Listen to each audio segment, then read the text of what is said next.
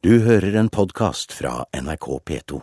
Birger Kolsrud Aasund, du er kommet til studio. Da er jeg helt sikker på at det er tid for Kulturnytt, og det britiske kongehuset skal det dreie seg om. Det er nemlig første gang et høytstående medlem av kongehuset saksøker et magasin. Prins William og Kate, hertuginnen av Cambridge, tar i dag ut søksmål mot det franske magasinet Closer, som eh, forrige uke trykket elleve bilder av paret der hertuginnen soler seg toppløs. Den irske avisen Daily Star trykket også bildene i helgen. Det liker ikke den britiske eieren, som nå truer med å legge ned avisen.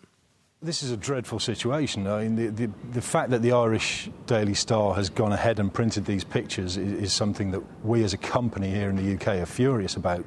This is a clear case where someone's massively overstepped the mark. De har tråkket langt over streken, sier redaktør Gareth Morgan i den britiske avisen Daily Star om sin irske søsteravis. Han jobber for mediemogulen Richard Desmond, som eier flere britiske blader og aviser, en stor TV-kanal og halve Irish Daily Star. Ingen på britisk side skal ha kjent til planene om å trykke toppløsbildene i Irland. Desmond sier nå at han vil selge seg ut av avisen om han ikke greier å legge den ned. Redaktøren i Dublin, Michael O'Kane, forstår ikke at folk reagerer på det han mener er svært gode bilder.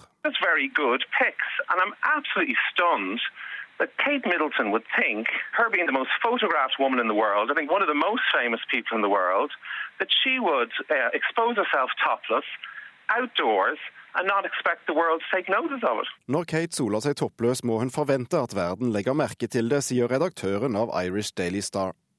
Eve Pollard har vært redaktør i tabloidavisene Sunday Mirror og Sunday Express. Hun sier irske lover er noe svakere på beskyttelse av privatlivet enn britisk lov, men avisen kan likevel få bot. They will make much more money today in sales uh, than they will in the fine that they may have to pay. It's pure greed, just as the palace says. Kameraene gikk varme rundt prins William og Kate på jungelsafari på Borneo i helgen. Men der var fotografene invitert. Eve Pollard tror avisene til Richard Desmond må ta avstand fra episoden i Irland for å kunne bli invitert med på fremtidige reiser med de kongelige. Hva vil the palace view be to his publications in the Aviseieren Richard Desmond startet sitt medieimperium med pornoblader. Nå lover redaktøren hans i britiske Daily Star en ny holdning også når det gjelder superstjerner som Lady Gaga og Rihanna. Yes, the Duchess of Cambridge is a human being, as are the other people that he's mentioned, and, and I think they should be accorded every right to, uh, to a private life, much as a, an ordinary member of the public uh, should have the same. I dag leverer kongehusets advokater søksmålet mot franske Closer. Målet er å stanse spredningen av bildene som ble tatt på en kilometers avstand mens William og Kate badet og solte seg på besøk hos en slektning i Provence. Men allerede i dag kommer det italienske magasinet Chi med et 26 siders spesialnummer med bilder av de to på bassengkanten. Det kan komme søksmål også mot dette magasinet. I så fall er den britiske kongefamilien i full klinsj med Italias tidligere statsminister Silvio Berlusconi, som eier begge magasinene. Og mens rådgiverne jobber febrilsk på bakrommet, gjør prins William og hertuginnen sitt beste for ikke å la bildene påvirke den offisielle rundreisen de er på i Sørøst-Asia. For måneder nå har vi sett to coming to the Solomon Islands. Fra what vi har sett this afternoon, and looking at what tomorrow promises, our mounting excitement has been truly justified. Og Det vi har sett i dag, svarer så absolutt til de høye forventningene, sa prins William da han eh, sammen med sin Kate ankom Salomonøyene i helgen. Reporter her, det var Thomas Alvarstein Ove. 9500 tenåringer mellom 13 og 15 sendte nakenbilde av seg selv via internett eller mobiltelefon i fjor. Det viser en ny kartlegging av barn og ungdoms mobil- og mediebruk, skriver Aftenposten. Undersøkelsen som Medietilsynet legger frem denne uken, viser også at hver tredje i denne aldersgruppen har sett porno på internett. I Libanon maner lederen for den militante bevegelsen Hizbollah til landsomfattende demonstrasjoner mot den omstridte filmen 'Innocence of Muslims'. I en fjernsynssendt tale i går kveld sa Sayed Hassan Nasrallah at eh, USA må stilles til ansvar for filmen. Hizbollah er dyktige til å mobilisere sine tilhengere, sier utenriksmedarbeider Sissel Wold. Hizbollahs leder Hassan Nasrallah er en veldig sterk og karismatisk eh, person. Eh, Hizbollah er en veldig sterk organisasjon som er veldig dyktig til å mobilisere sine folk. Så vi får se om, eh, om han mobiliserer mange på gatene. Men uansett, hans uttalelser, som også går ut på at alle som støtter denne filmen, og det betyr jo alle som støtter ytringene, er ansvarlig for disse fornærmelsene. Protestene er i gang i Afghanistans hovedstad Kabul. Rundt 1000 afghanere har tatt til gatene for å demonstrere mot denne filmen, melder nyhetsbyrået AFP. Enkelte av demonstrantene åpnet ild mot politiet, men ingen har foreløpig kommet til skade. Det er synd at Christian Ringnes og ikke staten blir eier av Henrik Ibsens leilighet. Det mener Ibsen-forsker Vigdis Ystad. Fredag ble det klart at Christian Ringnes har kjøpt bygården i Arbins gate 1, der Ibsens leilighet er, og Ibsen-museet holder til. Ystad mener det er bekymringsfullt at en så viktig del av norsk kultur er på private hender. Eh, det er museet for Norges mest berømte forfatter. Og det burde ha vært ivaretatt av staten. De burde ha sikret dette for uh, uoverskuelig fremtid ved å kjøpe bygget. Det sier Ibsen-forsker Vigdis Ystad. Men kjøpt bygget som huser Ibsens leilighet og Ibsen-museet, har Christian Ringnes. Og han gratuleres av leder på Ibsen-museet, Eirik Edvardsen. Ja, I like måte, må jeg si. Det var jo veldig morsomt at dette gikk i orden. Ja, visst. Det var, det var spennende i går kveld. Ja, jeg skjønte det. Ja. Det var harde budrunder og litt av hvert. Harde budrunder og mange samtaler.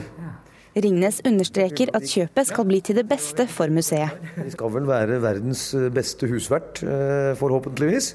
Eh, det er jo Ibsen-museet som vil ta initiativene til hva som videre skal foregå her. Eh, kanskje ut fra deres visjonsdokument. Eh, så må det jo da skaffes finansiering. Den kommer ikke til å komme fra meg. Og så vil vi da sammen med Ibsen-museet prøve å bygge på og bygge til. Skape arealer som gjør at museet kan bli slik som en av de norske nasjonalikonene fortjener. Men ennå foreligger det ingen skriftlig avtale mellom Ringnes og Folkemuseet. Det bekymrer Ystad ytterligere. Det burde jo ha vært eh, forhandlet i en avtale før et sånt salg hadde kommet i stand. Eh, sånn at man visste hva man ville ha å forholde seg til. Man kan jo tenke sitt når det gjelder luksusleiligheter og forretningsdrift og, og andre tiltak. En som er glad for salget, er direktør for Folkemuseet Olav Årås. Han mener Ringnes og museet har den samme visjonen om hva leieavtalen bør bli. Vi har ikke gått inn i, i kontraktsforhandlinger til nå, men eh, det ligger i kortene at vi skal være forholdsvis eh, lange leiekontrakter på dette. Ringnes forespeiler leieavtaler på 10-20 år av gangen. Det syns Ibsen-forsker Ystad er altfor lite. Ja, Faren er jo at det ikke er en sikker nok ordning. At eh, vi i et veldig langt tidsperspektiv, sånn som vi må ha her, ikke har noen garanti for at dette museet vil bestå i uoversiktlig fremtid. Hva slags eh, tidsperspektiv snakker vi om da? Ja, Da snakker jeg om hundreårsperspektiv og mer enn det.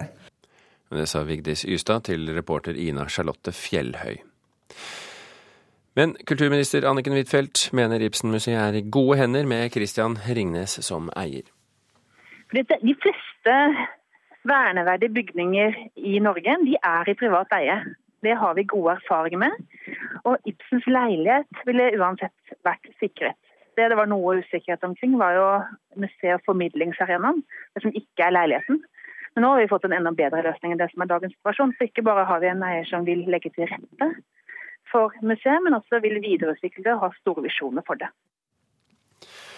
I sommer ble 800 svenske teddybjørner sluppet ut av et fly som hadde tatt seg ulovlig inn i Hviterussland. Aksjonen var en protest mot brudd på menneskerettighetene, som førte til at en rasende president Aleksandr Lukasjenko sendte den svenske ambassaden på dør. Ambassadøren på dør. Bak alt dette står et reklamebyrå. Studio Total kaller de seg, og mannen bak det hele er Thomas Massetti. Det är nödvändigt att, att uh, faktiskt göra några. Man kan inte bli älskad om man inte är hatad. Elska og hata har Studio Total sjøl blitt for sitt siste stunt. 4.7 i år kjøpte de et småfly og kryssa grensa til Hviterussland. Da de var kommet over Minsk, slapp de ut over 800 kosebamser med regimekritisk tekst på, for å protestere mot brudd på menneskerettene i landet.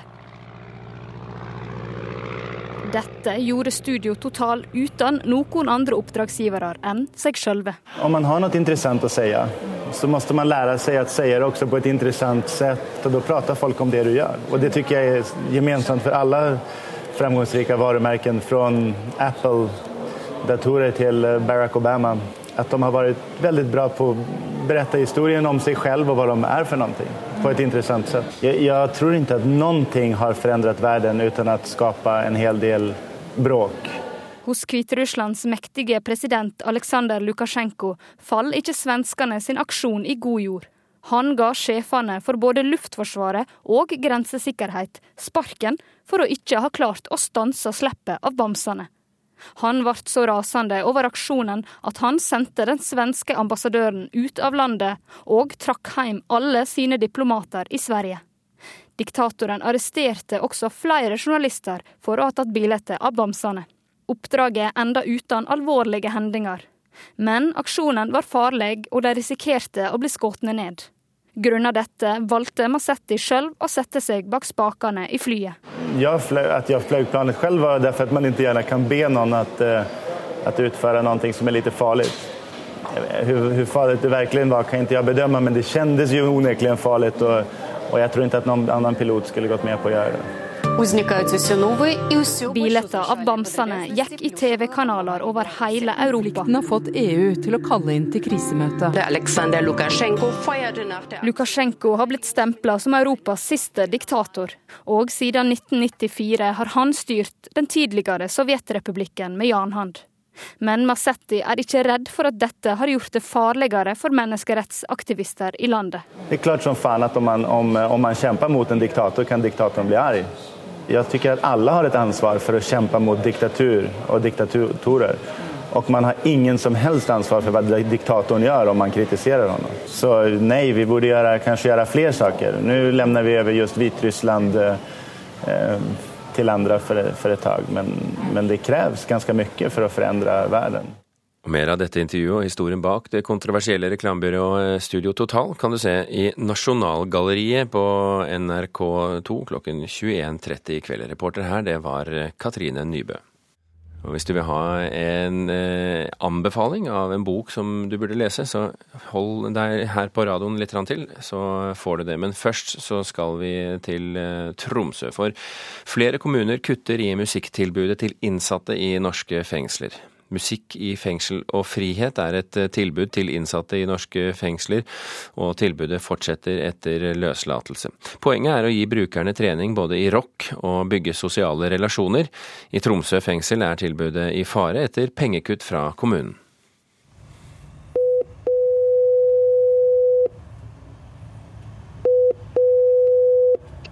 Troms fengsel lukka.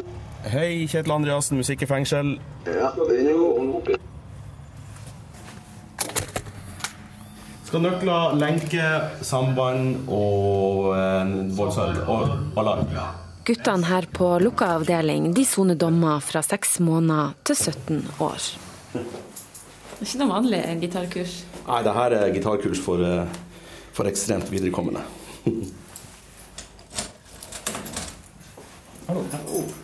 Skal vi se, da, da er, nå, er, nå, er, vi jo inne på eh, eh, Nå er vi faktisk inne i fengselet. Så nå er, det bare, nå er det ingenting som hindrer oss i å møte hvem vi vil. Målet med musikk i fengsel og frihet er å gi både innsatte og tidligere straffedømte musikal og sosial trening. Jeg er helt av den oppfatning av at det har en effekt.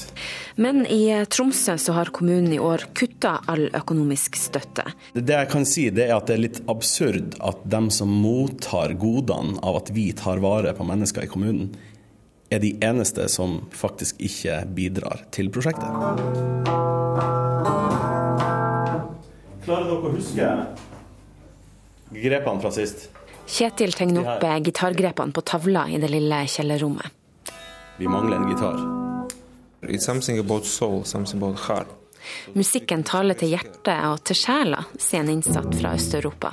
And usually if people come here a little bit sad, Usually they all go smi- smiling out, everyone, You're smiling. of course. En av gangguttene har både stilen og forbildet klart. ICDC. ICDC. Ja, easy-deasy er, ja, er favorittmusikken min. Får du øvd på det du lærer her? Lite grann, lite grann, men eh, ja, jeg får øvd litt, men jeg er jo tjokkfull i ADHD, så det går så fort at jeg oppi hodet mitt om dagene at jeg, jeg får ikke øvd på det mye. Men det gir meg mye av å komme hit. Glede. Pass på fingersettinga, gutta. Stram kommuneøkonomi gjør at eh, støtten i år kuttes, sier eh, politisk rådgiver for helsebyrådet i Tromsø, Kristian Wilsgård. Ja, Vi har hatt innsparinger over hele organisasjonen, eh, slik at vi har jo vært nødt til å, å eh, de grepene over hele linja. I 27 fengsel landet rundt så får innsatte øve i band og lære grep. Skal vi eh, finne to nye grep? Marit Tangen er administrativ leder for musikk i fengsel og frihet. Det er jo et problem hele veien. Det er nedskjæringer. Vi har ikke fått noe økning i de statlige tilskuddene på mange år. Og de kommunale tilskuddene er utrolig viktige for å få til et spleiselag og få til et godt tilbud. Og når de nå skjæres ned flere steder, sånn som i Tromsø, så står jo hele tilbudet i fare. Kanskje kabelen ikke fungerer. Når du er ferdig på øvelse her, hvordan føles det da? Det føles godt. Jeg føler en glede i kroppen. Sant? Jeg går og spiller luftgitar denne gangen. Ja, det sa en av de innsatte ved lukket avdeling eh, Tromsø fengsel. Reporter var Karoline Rugeldal. Forfatter, poet og musiker Pedro Carmona Alvarez slipper i disse dager fra seg det første bindet i en kommende trilogi med rot i Bergen. Vår kritiker Leif Ekle har lest boken med den uvanlige tittelen Og været skiftet og det ble sommer osv. En svært vellykket roman, mener han.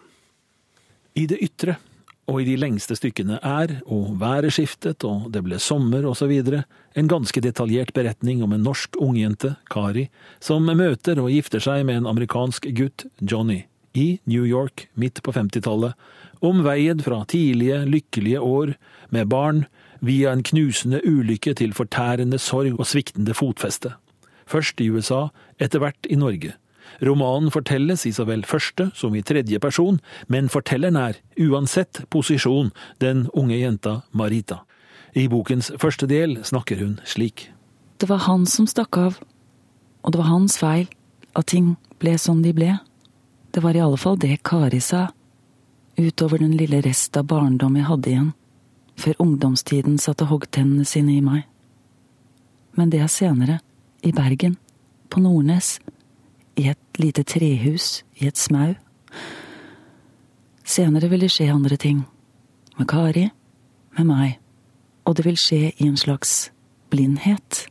Men først må jeg vokse opp. Om foreldrene, Kari og Johnny, og deres ulykke er denne bokens hovedbestanddeler, er det Marita, datteren deres, som bærer romanen. Jeg-fortellingen i starten preges av korte, innholdstette setninger, ofte springende, nesten rytmisk. Jeg skimter poeten Carmona Alvarez allerede her i introduksjonen. Den tilbakeskuende beretningen fra foreldrenes forelskelse til nesten-undergangen, mer rett frem i form og i tredje person, bygges på Maritas minner og hennes ustoppelige, barnlige spørsmål om alt som hendte før hun tok plass i historien og i verden. Etter hvert fikk hun svar, og slik kan hun bygge opp den kunnskapen som gjør det mulig å vikle hele den tragiske historien ut foran leseren. De 20 siste sidene er bokens høydepunkt. En helt sømløs, bevegende samtale mellom Marita og faren, i et språk og en form som demonstrerer Carmona Alvarez poetiske potensial, også i prosa. Disse sidene er noe av det finere jeg har lest på en stund. Bruce Springsteens musikk får sin rolle i boken idet Johnny leter etter fotfeste i et Norge der han lever like mye i eksil som han gjør i sitt eget liv, eget ekteskap.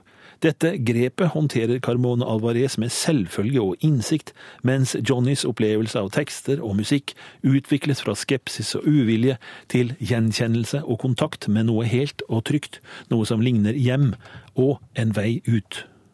Og været skiftet, og det ble sommer osv. er med andre ord en roman om ødeleggende sorg, om et ungt menneskes evne til å klare alt og fremmedfølelsens makt. Den er også svært vellykket. Ja, Det mente vår anmelder Leif Ekle. Svalbard har for aller første gang fått besøk av Nasjonalballetten. Med ny dans og ny sjef avsluttet danserne sin turné Septemberdans i Longyearbyen i helgen. Og da fikk noen av byens ungdommer et eksklusivt møte med stjernene. Sju jenter fra Longyearbyen blir utfordra av ballettdanseren Christian Alm. Du får det, du kommer til å angre deg, altså. Vil de bli løfta høyt opp i sky på sterke armer?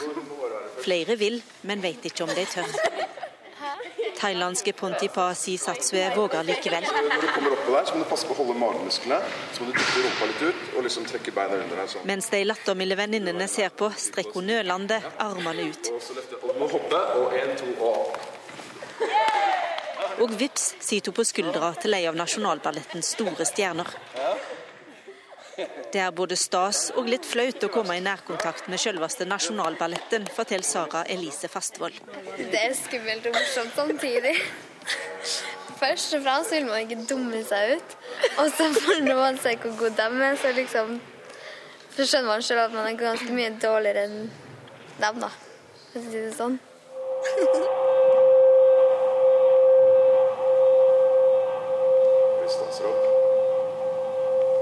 Ingen av jentene har vært i nærleken av å prøve seg på ballett, for dans er ikke et tilbud i Longyearbyen.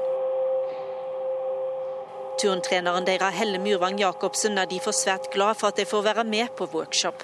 At de får være med på dette, det er jo helt supert. Ja, det er utrolig mye å si for de jentene som ikke får noe lignende tilbud her oppe i det hele tatt. Mm. Så det er bra. Hode og piruett. Og der. Der. Og der. De lærer dansetrinna til Fade in Black av Kaloyan Bojadjev, som Nasjonalballetten har på programmet.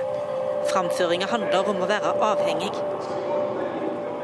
Også den ferske ballettsjefen Ingrid Lorentzen er til stede når amatørene får prøve seg i Svalbardhallen. Det jeg syns er veldig artig, er jo at det de nå står og lærer, er direkte fra forestillinga. Så når de ser det her på scenen, ser det trinnene de har stått og gjort. Og det å få det delt opp på en sånn måte at det er mulig å lære, jeg tror både at du opplever den mestringa, og at du også får se videre til det ferdige resultatet. Det er veldig artig å være med på. Veldig flinke jenter. Kulturhuset er helt fullt.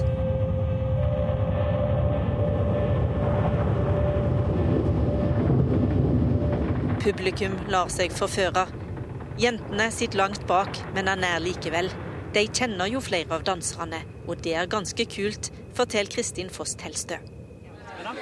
Det var jo gøy. liksom sånn at ha, Han har vært min trener, sant? og så bare ja, Så liksom kjenne igjen og Ja. Det var koselig. Let me introduce to you a brand new. I stykket 'Resin' av Alexander Ekman blir publikum overraska og litt sjokkert. Pontipa Sisatsue mener det burde ha vært aldersgrense på akkurat det stykket. Men mest av alt ønsker hun seg mer. Ja, jeg har veldig lyst til å begynne med ballett nå. Når jeg ser på den, så vil jeg bare bevege meg og danse og ta beina opp og sprette rundt som en galing. Spesielt når jeg så at med de med firkantene, når de slår beinet og fikk bare nesten til å gå opp og danse med dem. Reporter her, det var Kjersti Strømmen. Kulturnytt runder av. I dag har vi fortalt at prins William saksøker det franske magasinet Closer etter toppløsbilder av hertuginne Kate, og at Ibsen-forsker Vigdis Ystad mener staten burde kjøpt Ibsens leilighet, ikke Christian Ringnes. Kulturnytt var ved Per Ibjørn Nordahl, Halvor Haugen og Birger Kolsrud Aasund. Du har hørt en podkast fra NRK P2.